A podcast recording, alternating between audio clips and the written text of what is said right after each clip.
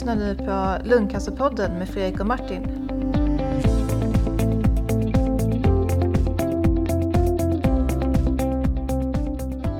Hej och välkommen till Lungcancerpodden.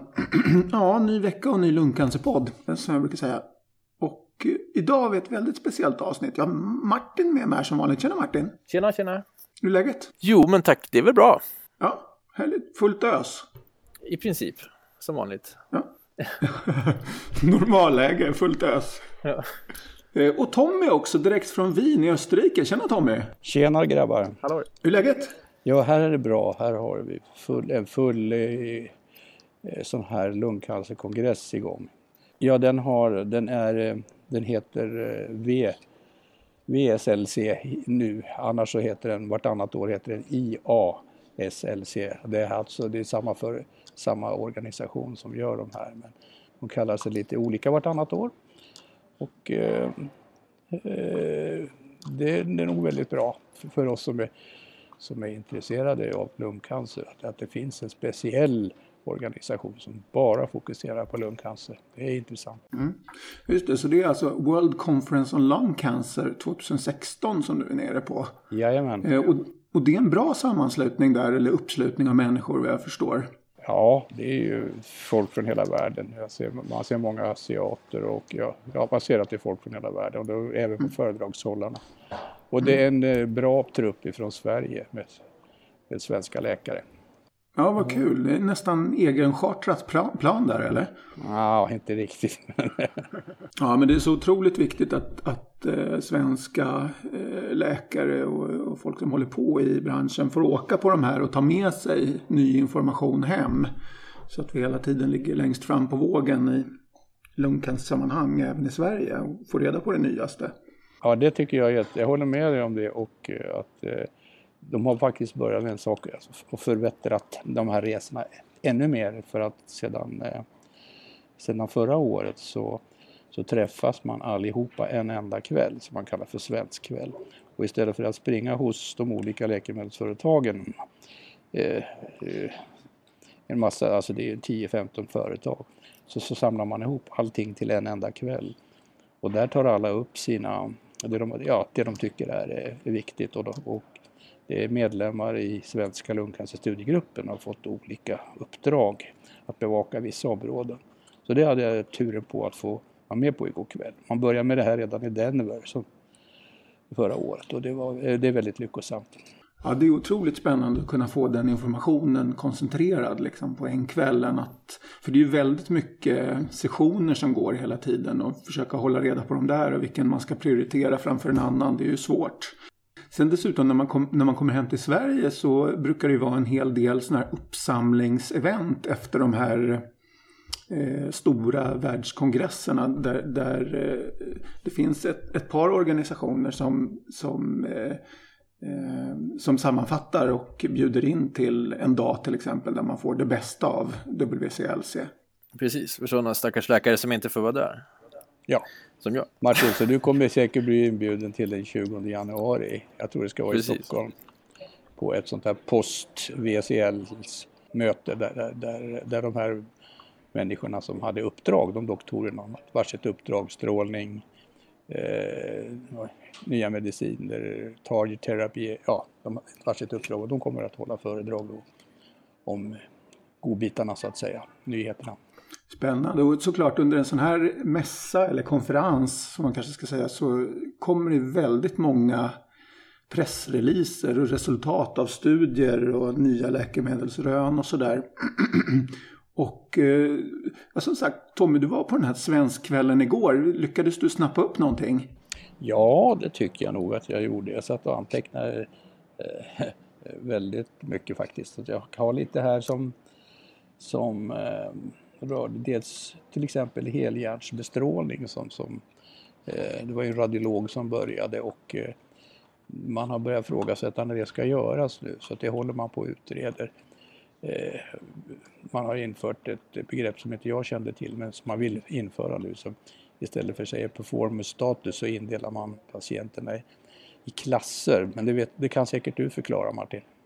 Det är väl funktionsklasser skulle jag tippa på att man, att man Ja. hänvisar till då. Jag vet inte eh, närmare, men det, det, är väl i princip en annan sida av samma mynt. Ehm, att man, det, det är ju väldigt stark koppling mellan hur, hur pass fysiskt aktiv man är och, och, hur mycket man orkar och, och, hur mycket man kan tillgodogöra sig behandlingen så att säga. Så att man vet att om man är väldigt nedgången i sin sjukdom och, och eller andra sjukdomar och sådär eh, så vet man att eh, risken att, att eh, man får mycket biverkningar och att, att det snarare går sämre när man behandlar med, med starka effektiva läkemedel är stor. Då, så att då ska man välja. Det var precis så jag fick klart för mig också och att man, man har tagit tag i det här nu och ska se till att det kommer med i riktlinjerna hur man ska för, förhålla sig det som är spännande där kan man ju säga att vi, det, det är ju en otroligt grov, det, det, diskuterades kan jag tänka mig, för det är sådana här saker som alltid kommer upp när vi, när vi diskuterar just kring funktionsstatus och så, att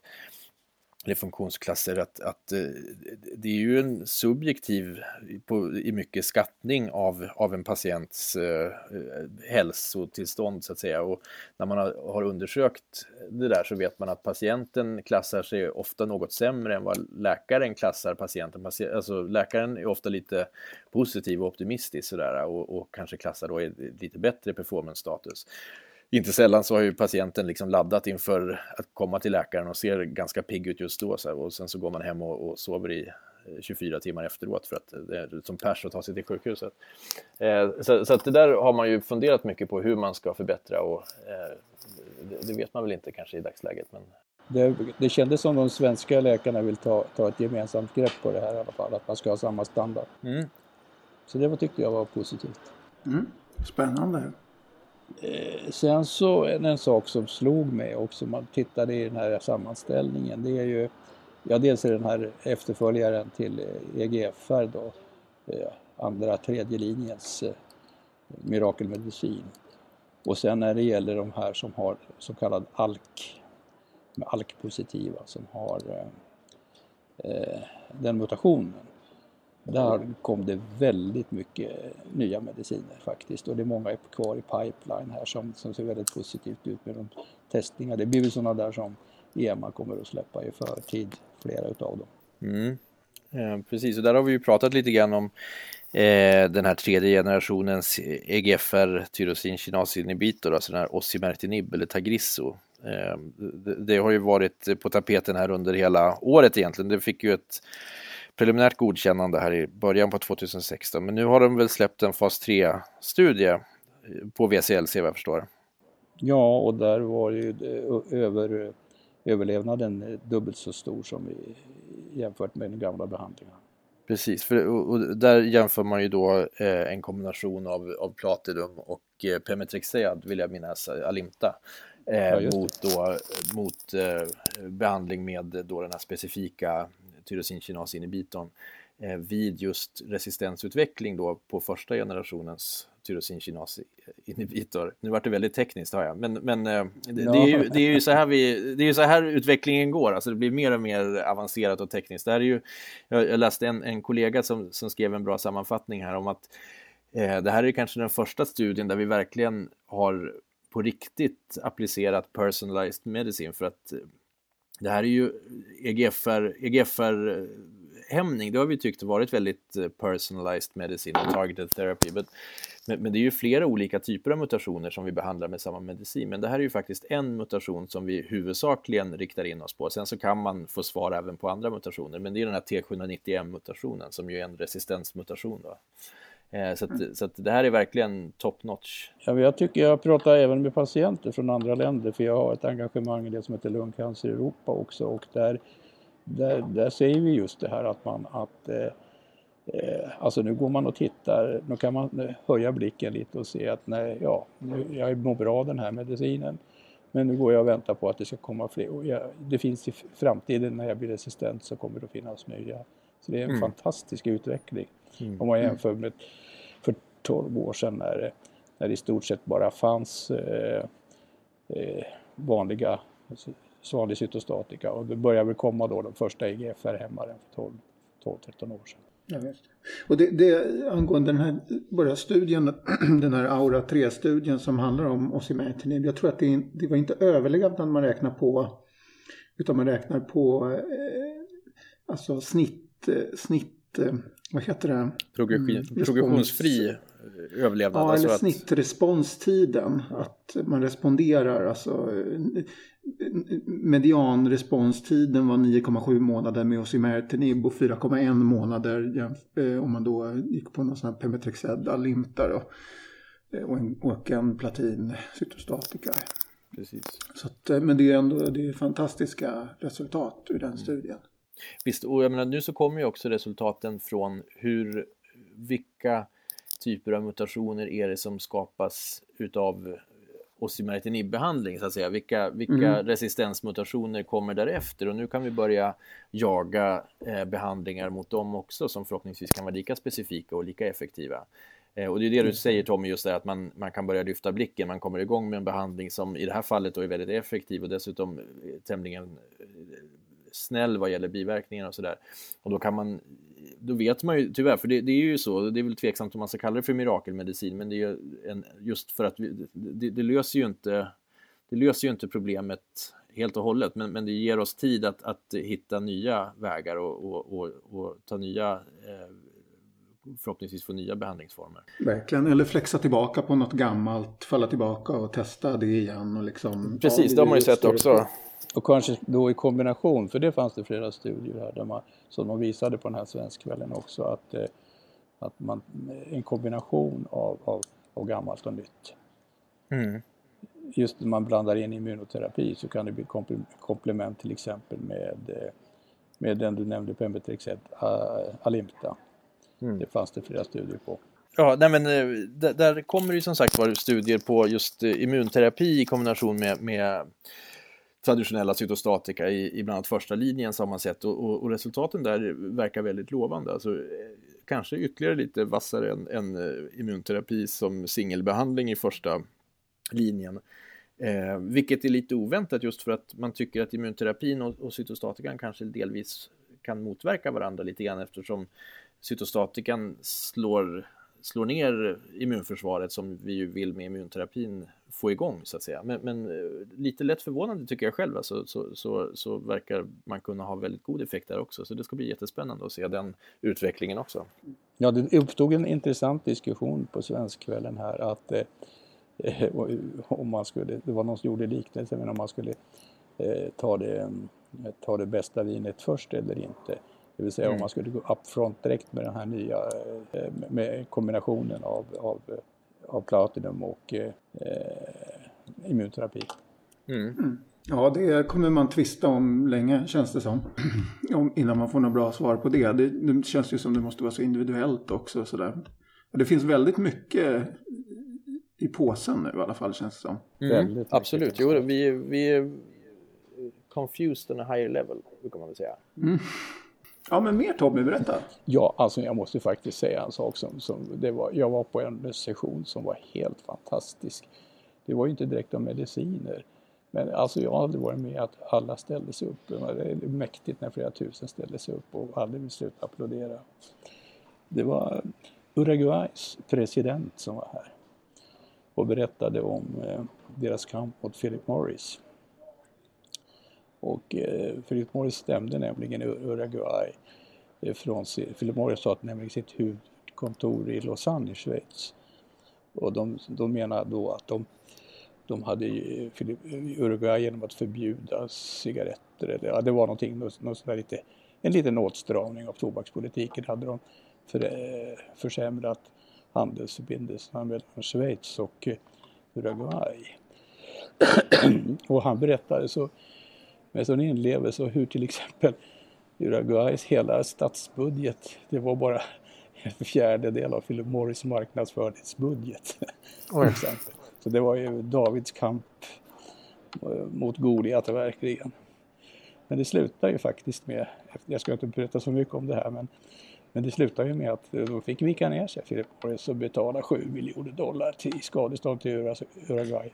Och det var ändå det lilla för rättegångskostnaden var mycket högre.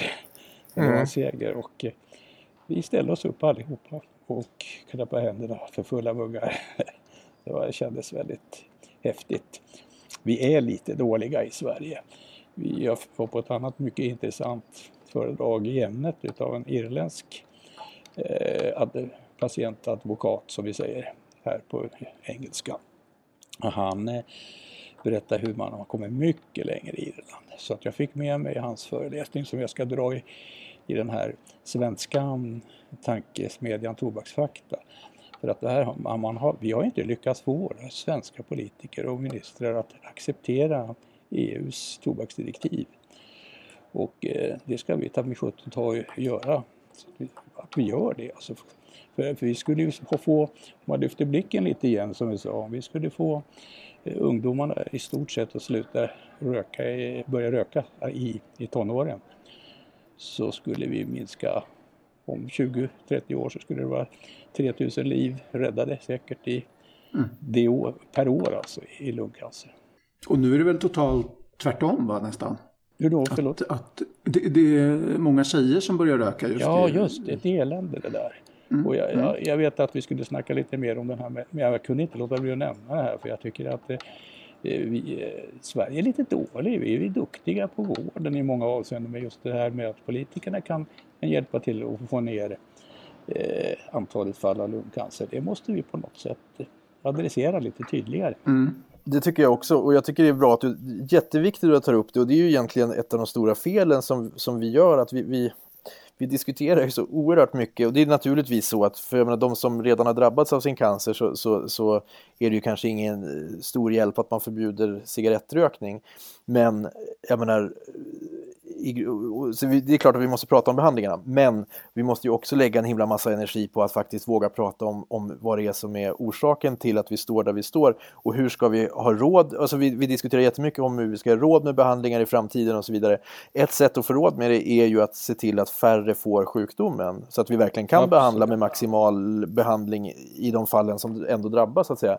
Och där, det var en av de saker som jag faktiskt kände och tog ställning för under, under eh, mitt avhandlingsarbete, att det här hur fasansfullt sjukt det är att vi inte vågar förbjuda rökning med alla de skadeverkningar som, som det ger. Alltså det, att vi mm. tror att det är omöjligt att förbjuda något som är så fruktansvärt för, för befolkningen och för ekonomin och för eh, alla. Det, det, det tycker jag är skandalöst. Det, jag är faktiskt, även om jag är väsentligt liberal i de flesta frågor så är här väldigt bestämd att jag tycker att rökning ska förbjudas. Det, det är det enda sättet att, att uh, faktiskt få bort det på sikt. Mm. Håller fullständigt med dig och det här var den här, det var, jag, kände, vi kände, jag kände det och vi kände det allihopa som var i det här och lyssnade på presidenten från Uruguay. Det var liksom en, en sån där otroligt stark stämning. Hur alla kände mm. att det här, den här skiten ska vi bli av med. Ursäkta att jag svär mm. förresten. Mm. Men eh, det, jag kan ha inget bättre namn för det eländet. Nej. Mm. Jag, jag, tycker det, och inte för att punktera den här tanken på något sätt, men det finns ju flera orsaker till cancer. Alltså övervikt och kött och alkohol. Och där kanske man också borde strama upp i leden faktiskt. Eh, ja, nej, men alltså, här, det är klart tycker jag att vi ska delvis eh, anpassa våran, våran eh, prissättning och, och skattebörda etc. utifrån vad som är hälsosamt och inte. Men Eh, om man tänker på de enorma skadeverkningar som rökning ändå har så, så tycker jag det står i en klass för sig. Det, det, det, kan vi börja där och, och, där tror jag att det är relativt lätt att enas också. Det kommer ju komma massa olika argument om att det kommer bli smuggling och så vidare men jag menar, vi, vi accepterar ju inte andra fullständigt perverterade droger och så vidare på grund av att det blir smuggling. Utan det här är ju någonting som det gäller att rädda våra barn och rädda, rädda de yngre generationerna från att börja. Det, det är ett gissel. Jag håller själv på att sluta snusa just nu, vilket är fasansfullt besvärligt. Men, men eh, jag, jag kan vittna om det också. ja, det kan jag också göra. Eh, men, men jag ser, genom att komma ut så här live i etern så, så får jag väl känna att jag måste stå upp för det här. Det är bra att sätta press på sig själv tror jag. Det här. Bra Martin, bra. Man ska inte stödja tobaksindustrin för mycket i alla fall. På något sätt. Ja. Nej, men vad kul, det här var ett brandtal verkligen. Eh, ja, nu har vi, nu har vi tagit ställning. Absolut. Men förlåt Tommy, du får fortsätta med, med vetenskapen, jag på att säga. Ja, du var inne på alk vill jag minnas. Ja, jag var inne på alk. Och just nu så är det väl det är tre olika eh, som ligger precis, de är väl snart för godkännande. Och de är inte EMA godkänt, jag har inte klart för mig. EMA är alltså den här, ska jag säga igen, den här europeiska eh, eh, Läkemedelsverket? Ja, just det kan man säga. Det var en bra förklaring.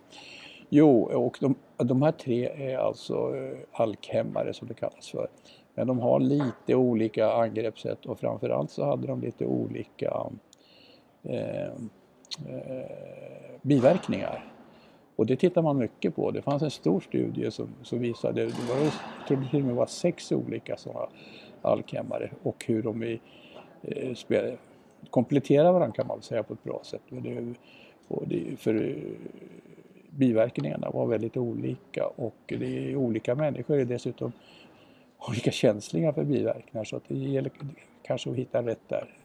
Visst, och de har ju också visat olika penetrans in till eh, hjärnan till exempel. Precis, där, precis. Martin. För det, det, är ju en av de här sakerna som, som många patienter med ALK-translokerad cancer drabbas av, just progress på första generationens alkhämmare, i, men i, i hjärnan. Då. Och där längtar vi verkligen till att de här preparaten som har visat riktigt vass effekt eh, kommer ut på marknaden. Och där som du säger så, så har ju EMA godkänt och det är på väg nu då, de här det blir väl vad man skulle kunna jämföra med tredje generationens alkhämmare mm. eh, ut på svenska marknaden också. Så det, där har vi flera patienter som, som eh, skulle kunna vara väldigt behjälpta av en snabb process nu genom eh, den svenska myndighetsapparaten. Ja, det där lovade dina kollegor på på Svenskskvällen också Martin som uppmärksammar det här. Mm, precis, jo, nej, men, och jag menar, det är ju bara eh, fantastiskt att, att vi står där. Det, det, det är som sagt var, det är otroligt eh, hoppfullt. Jag just det här att vi relativt nyligt faktiskt kunde då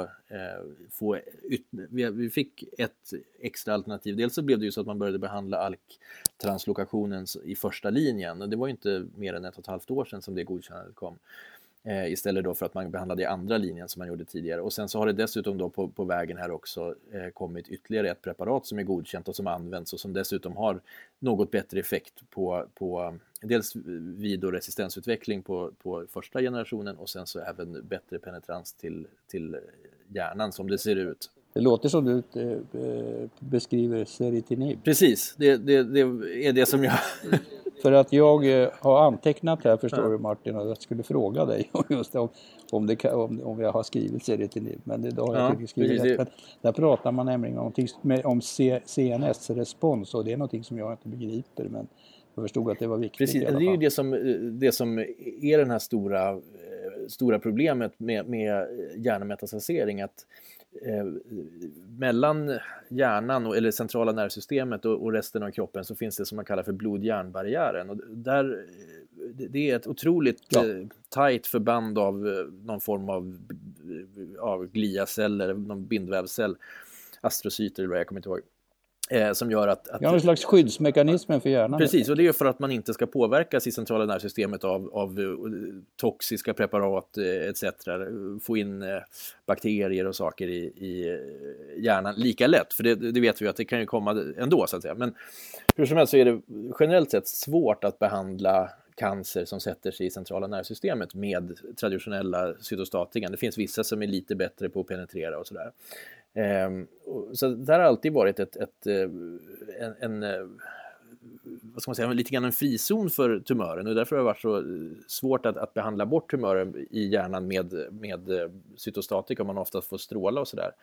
Ehm, men, då så ser man då på vissa preparat så har man mycket bättre penetrans och, just de här äh, de nyare preparaten de har visat sig ha det i högre utsträckning.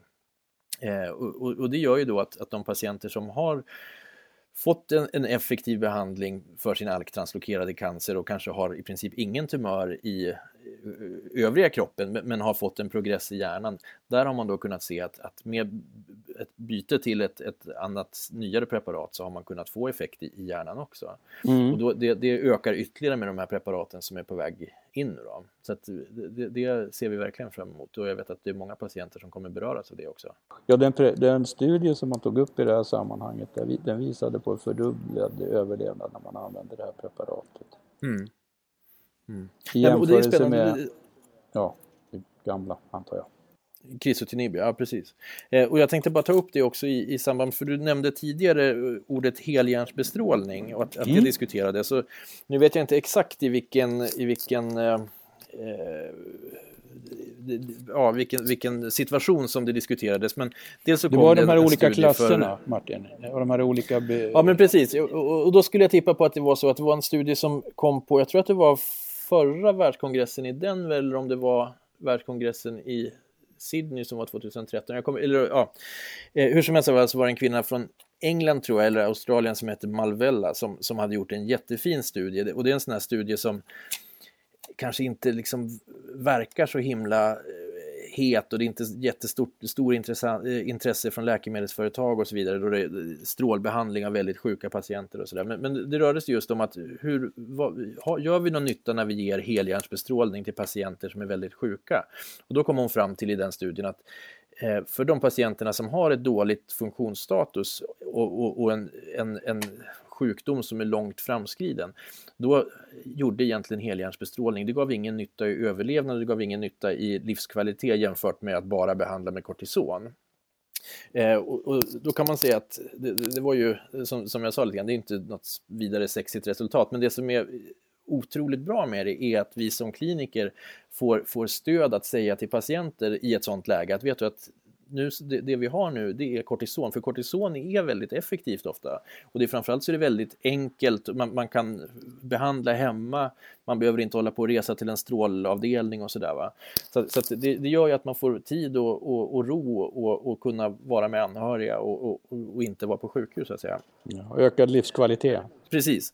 Men däremot så besvarar den studien egentligen inte, tycker jag, huruvida man ska ge helhjärnsbestrålning för överhuvudtaget. För att det, det, bör vi nog göra, eller det bör vi göra. Och till de patienterna där vi förväntar oss en överlevnad som är kanske mer än tre, fyra, fem månader någonstans, då, då tror vi att att helhjärnsbestrålning har definitivt en effekt. Eh, sen så kan man se att det har komplicerats ytterligare då genom att när vi får behandlingsresultat som blir bättre och bättre även på de patienter som har fått hjärnmetastaser, då måste vi börja tänka på hur vi ger den här helhjärnsbestrålningen för att skada hjärnan, den, den övriga hjärnan så lite som möjligt. För att man vet att ger man på vissa sätt så får man mera risk för eh, minnesstörningar och så vidare på, på längre sikt. Eh, och, och, det måste man ta hänsyn till då utifrån ja, vilken, vilken förväntad överlevnad, vad har vi för preparat som vi kan ge framöver och sådär. Eh, så det där är liksom en, en ny, eh, det, det, är ett nytt sätt att tänka kring behandlingen. Eh, mm. Men helhjärnsbestrålning har fortfarande definitivt en plats. Men man ska hela tiden tänka, kan jag göra på ett bättre sätt? Kan jag behandla bara en enstaka eh, metastas till exempel och, och, och, spara bestrålningen av resten av hjärnan? Men det, det, är en avvägning hela tiden. Jag förstår. Ja, det är kul att du säger det här Martin, för att jag tycker också det är ett sånt här en sånt här tema som jag tycker jag har märkt till skillnad från tidigare sådana här kongresser. Att det var att man uppehöll sig väldigt mycket med, med livskvalitet och biverkningar.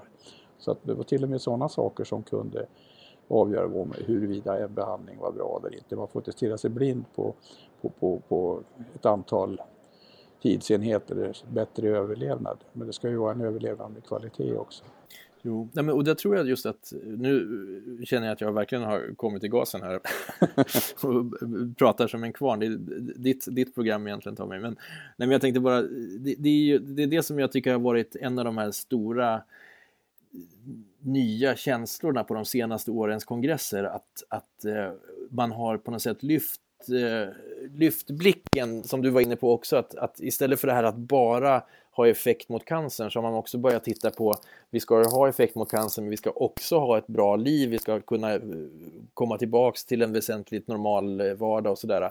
Att, att man tänker att nu, nu så är det inte bara det här att försöka hålla tillbaks cancern och att, eh, utan, utan att nu är det att hålla tillbaks cancern, öka överlevnaden, öka livskvaliteten eh, och, och, minska biverkningar. Så man börjar liksom titta på de här eh, sakerna som ju har en jättestor betydelse för den behandlade patienten i ökad utsträckning. Och det är ju att vi faktiskt har en större arsenal av vapen att tillgripa mot den här eh, jäkla sjukdomen. Ja, och jag kan ju glädja alla lyssnare till podden med att, att eh, det, det är inte bara Martin som, som känner så här engagerat eh, i de här frågorna utan det, var, det utbröt mycket diskussioner, många intressanta diskussioner på den här så kallade Svenskkvällen bland de svenska läkarna där man ja, man var nog e- väldigt eniga. Lite, det blev trevliga diskussioner men, men man var nog eniga att man måste titta mycket mer på det här som du nämner Martin med livskvalitet. Mm. Ja, jag önskar jag hade varit där. Det hade varit spännande att höra. Nu, nu, är jag ensam lungläkare i Sverige istället. Det kan vara kul att vara det någon gång. Då är man bäst. Precis, för en gångs skull så. Men ska inte du, Martin, jag vet inte om jag, jag hörde något rykte om att du ska bli onkolog också. Ja, men precis. Jag, jag, jag arbetar ju på onkologen nu. Eh, så, så, att min tanke är att jag ska vara dubbelspecialist här om, om eh, ja, när eh, Socialstyrelsen känner sig nådig någon gång om massor av år antar jag. ja, för jag, jag, har pratat med många patienter och jag har fått frågan så därför har det ställts lite på sin spets. För vi, det är många som frågar sig det här liksom att man blir utredd på en mm. lungklinik och det är väl i och för sig rimligt om man har en lungåkomma. Nu är i och för sig de flesta lungcancer, de, de, de, är, de har väl inte lungproblem som, som eh, första symptom utan det är väl andra grejer som kanske... Men inte desto mindre så är det väl kanske bra att man utreds där. Men, men om man ska ha bot för en cancersjukdom då borde man ju ha en cancerspecialist kan man tycka kanske. Som, som till läkare. Eller? Men nu finns det ju den här uppföljningen, eller vad säger jag, den här satsningen på lungonkologiskt centrum där, där lung, lunga och lung, läkare och onkologer samarbetar. Men ja, det är ju inte så över hela Sverige. Nej, men det där eh, Tommy är en eh, ibland något laddad fråga. Och, och ja, det har jag förstått.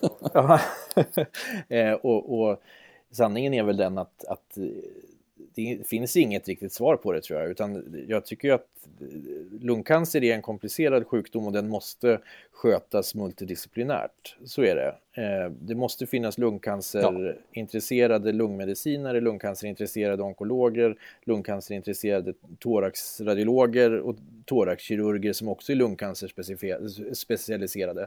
Eh, alltså en, en, en, ja. en intresserad lungmedicinare sköter lungcancer betydligt bättre än vad en eh, ointresserad onkolog gör om man säger så. Men, ja, men, och sen så är det ju så också i, i, i, i och med det att det är en tämligen vanlig sjukdom eh, som drabbar folk över hela Sverige och Sverige är stort geografiskt. Det finns inte möjlighet att, att behandla alla på universitetssjukhus som det ser ut idag i alla fall. Så, så, så, måste man också vara pragmatisk och se hur gör man mest nytta så att säga. Och jag tror att lungkliniker, de har ju ett, eh, ja, de, de är mera spridda som det ser ut idag. Där, där måste man eh, kunna eh, kunna behandla också. Det, och hittills har det så att säga skötts fantastiskt bra. Nu så ser jag en, en, det kan komma att bli utifrån det vi har diskuterat just det här att, att behandlingen blir allt mer avancerad. Eh, det, det, kommer massor av preparat, det kommer preparat med, med nya typer av biverkningar och sådär. Och där krävs det ju att vi har, där kanske vi måste samla vissa patienter på vissa ställen och sådär, möjligen på sikt. Eh, men, men eh, ja, exakt hur det där ska se ut, det tycker jag är en diskussion på varje, kanske inom varje regionalt cancercentrum eller så, där man känner sin, sin eh, geografi och region och så. Eh, så att, eh, det finns nog inget svar helt enkelt. Jag, jag, ser det som en jättestor fördel personligen att kunna förhoppningsvis då framöver ha två specialiteter och kunna ta liksom det bästa av båda specialiteterna och, och kunna göra nytta då. Eh, förhoppningsvis. Ja, det låter fantastiskt. Det låter fantastiskt så har jag dubbelt alibi också. Så kanske jag... Men du, du, du, har inte funderat på att ta, en, ta ett par kurser i patologi på en gång med stöd istället? ja, jag, jag, får se. Det kanske blir nästa steg. Vad spännande. Sen hade det kommit lite, mer, lite mer nyheter där nerifrån. Jag såg, eh, det finns ett, eh, eh, för att prata TKI igen då på EGFR, att det finns ett företag som heter Cadmon som, som har en EGFR-hämmare då som heter eh, Tessevantinib. Den är ny för mig i alla fall. Den verkar också penetrera den här järnbarriären väldigt bra.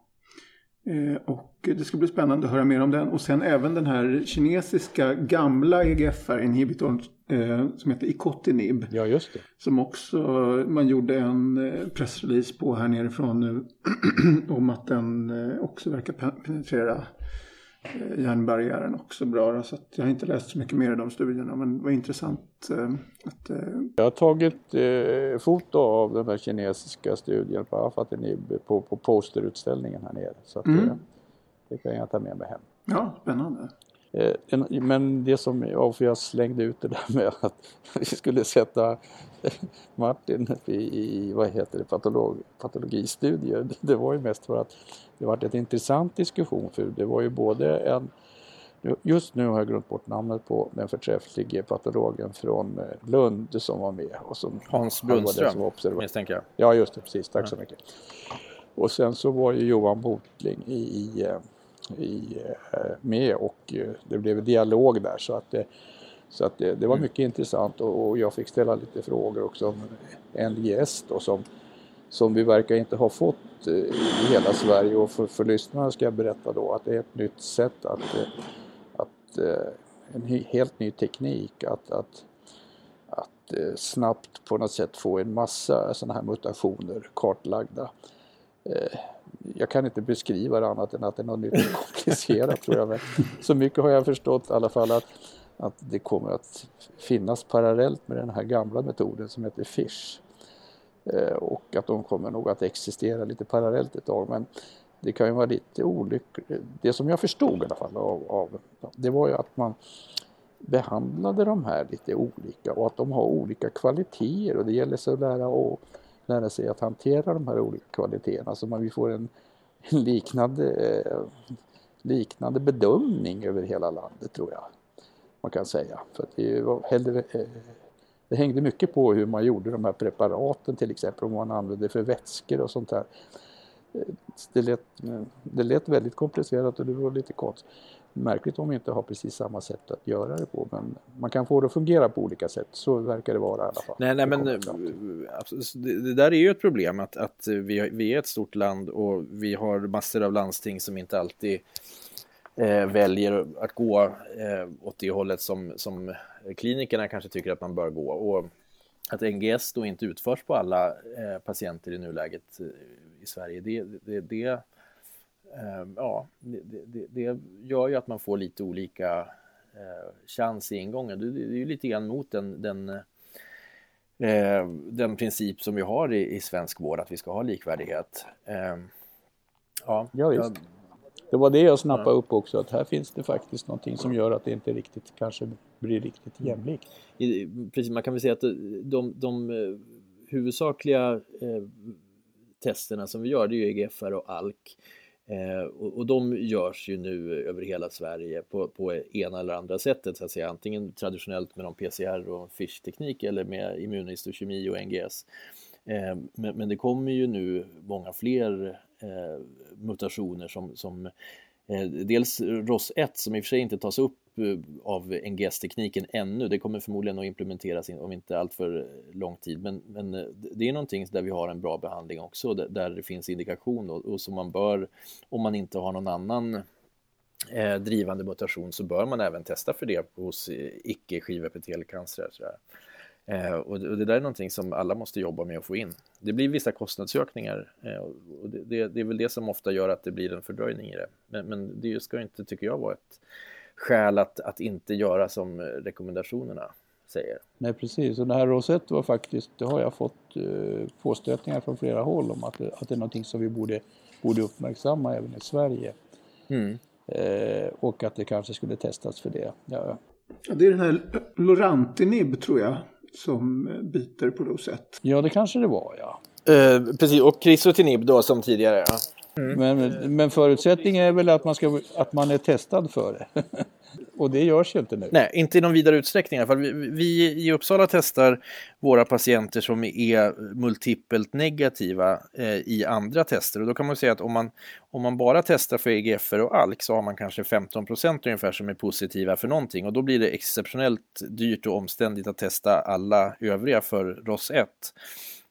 Eh, men, men, men, som vi nu gör i Uppsala då så kör vi den här NGS-tekniken och då får vi ut bland annat KORAS och då, då har ungefär 20-30% en KORAS-mutation mm, eh, och, och, mm. den förekommer aldrig tillsammans med ROS1 så då har vi sorterat bort ytterligare en stort andel patienter och sen så skickar man då en, en analys på ROS1 för de patienter som man tror kommer, som är negativa i allt annat och som man tror har möjlighet att kunna svara på behandlingen för att de är tillräckligt friska så att säga.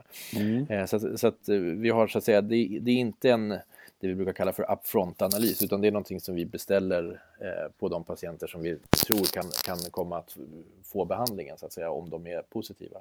Men det där är ett problem och, och, och det visar ju lite grann på problemet också, där att om man inte har implementerat NGS-testning så har man också mycket svårare att få igång en ROS 1-testning just utifrån att kostnaden blir så otroligt mycket högre då. Jag förstår.